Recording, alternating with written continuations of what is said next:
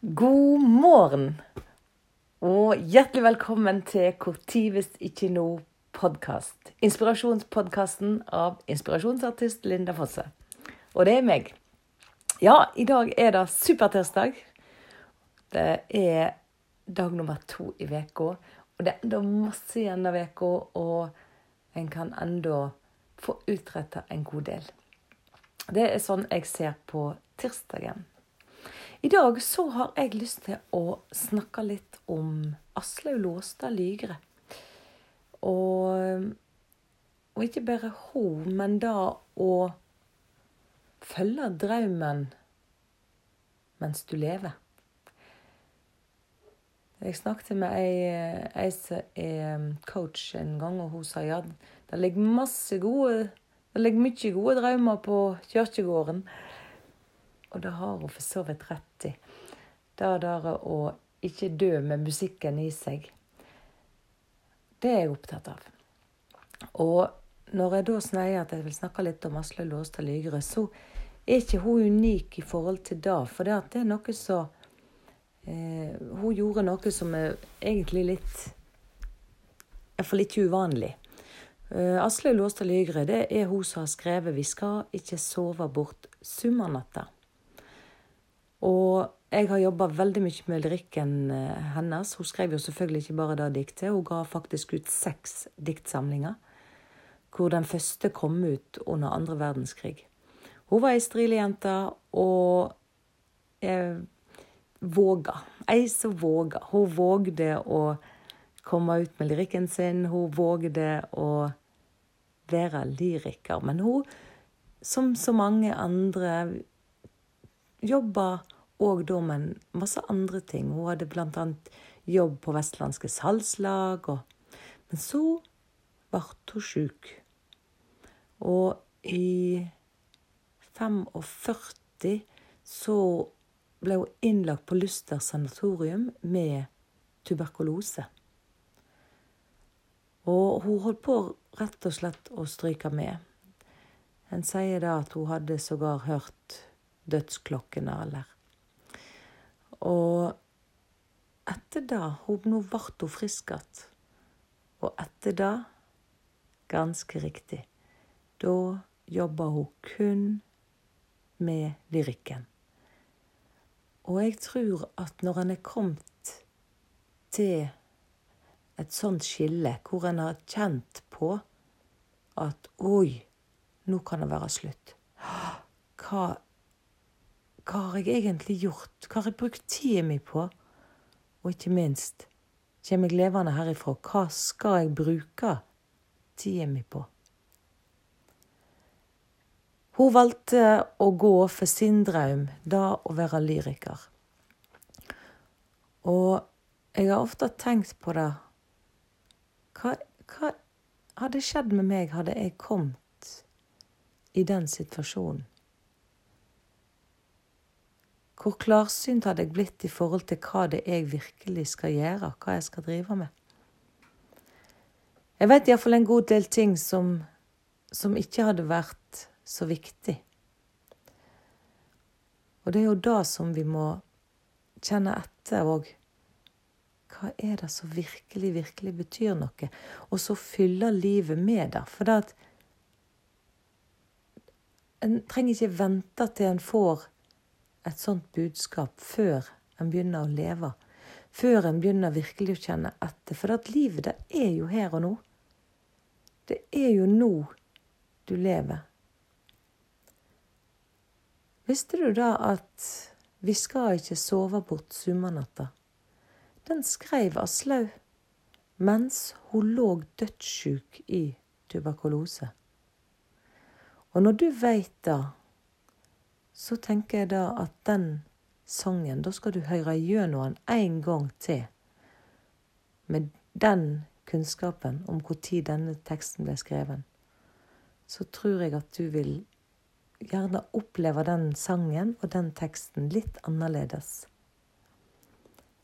Han blir plutselig mye djupere, og ikke bare en overfladisk fin sommersang, hadde jeg nær sagt. Det ligger grådig mye visdom, djup visdom, i den sangen. Hvordan er det med deg?